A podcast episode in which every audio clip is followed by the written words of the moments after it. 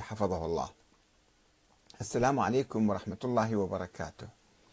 اطلعت على ردكم العاجل وأنتم في السفر على مناقشتي لكلمتكم عن الإمام المهدي التي ألقيتموها في أحد المؤتمرات التي عقدت مؤخرا حول هذا الموضوع.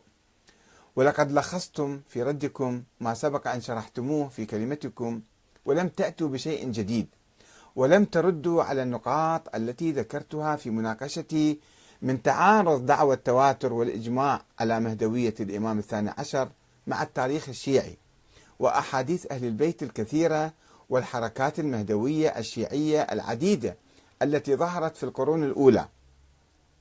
وبدلا من أن تثبتوا ولادة ابن الإمام الحسن العسكري المفترض تاريخيا انشغلتم مرة أخرى بتكرار الحديث عن النظرية الإمامية الإلهية واستنتجتم منها صحة فرضية وجود الإمام محمد بن الحسن العسكري.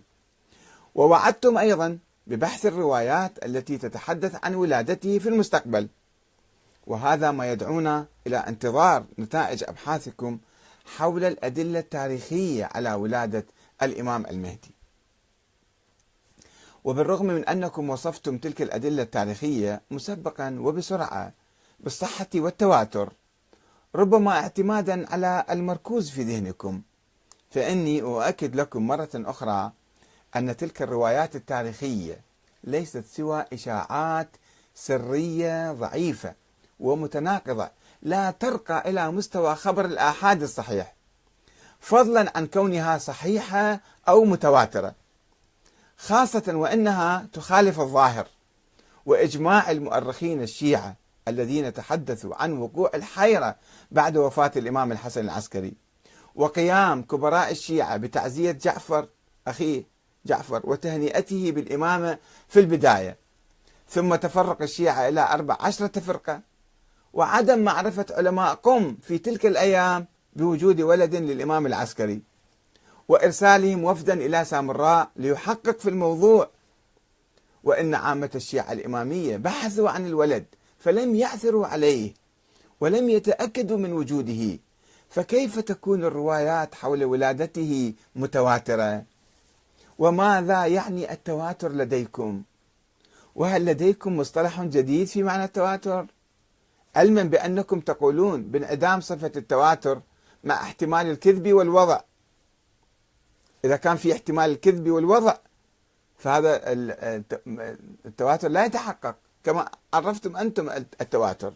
فكيف تأتون؟ ثم تقولون بأن هذه الروايات متواترة. ويبدو أنكم تحاولون إضفاء صفة الصحة والتوتر على إشاعات الغلاة الغريبة والعجيبة. في محاولة منكم للخروج من الحيرة التي لازلتم تترددون فيها. نتيجة إيمانكم بنظرية الإمامة الإلهية وضرورة وجود الإمام المعصوم المعين من قبل الله. التي استنتجتموها من بعض الأحاديث التي وصفتموها أيضا بالصحة والتواتر وهي ليست كذلك. وأولتموها تأويلا خاصا. ولا تريدون أن تفسروها بشكل آخر كما فسرها بعض الشيعة الإمامية الفطحية الذين خرجوا من الحيرة بنقل الإمامة إلى جعفر بن علي الهادي. المشكلة هي في طريقة استنتاجكم لنظريتكم الخاصة من تلك الأحاديث وفي تركيب فرضية وجود ابن للإمام العسكري عليها مع أنه لا تلازم بين النظرية الأولى والفرضية الثانية. وإن القول بذلك نوع من التخمين والظن والقول بلا دليل. إن حيرتكم تتجسد في محاولتكم العثور على مصاديق خارجة لبعض الأحاديث الغامضة كحديث الاثنى عشرية. وقد قدمنا لكم عدة حلول أخرى ممكنة لم تناقشوها ولم تأخذوا بها وأصررتم على افتراض وجود ولد الإمام العسكري مع أن هذه الفرضية أسوأ من تمحلات السيوطي في تطبيق الاثنى عشرية على خلفاء سابقين. ثم إنكم لم تجيبونا على السؤال عن معنى الإمامة وكيفية الارتباط بالإمام وطاعته وتوليه وهو في الغيبة. كيف يمكن نتولى هذا الإمام ونطيعه؟ مع أنكم في كتابكم علاقة الحركة الإسلامية بولاية الأمر اللي أصدره سنة 97 1997 ترفضون مجرد الولاء الإسمي أو الصوري للولي الفقيه وتطالبون حزب الدعوة الإسلامية اللي هو كان طبعا ناطق رسمي باسم حزب الدعوة وتطالبون حزب الدعوة الإسلامية بالطاعة الحركية. والولاء الحضاري والانقياد السياسي للولي الفقيه في إيران. فكيف يمكن تحقيق هذا النوع من الطاعة للإمام الغائب الذي لا يفتي ولا يفسر ولا يأمر ولا ينهى ولا يمارس دوره القيادي؟ وكيف يمكن أن نسميه إماما؟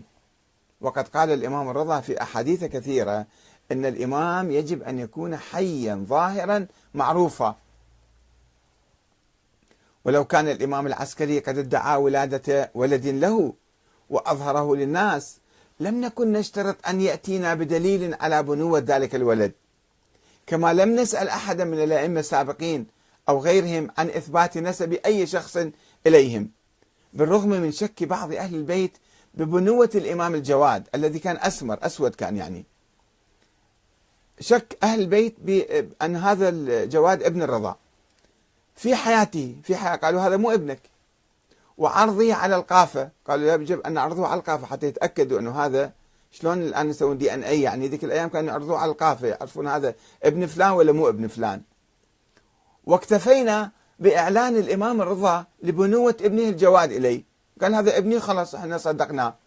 فكيف تريد منا يا شيخ آصفي أن ننسب ولدا إلى الإمام العسكري وهو يعلن أمام الملأ أن لا وجود لولد لديه. ما عندي ولد.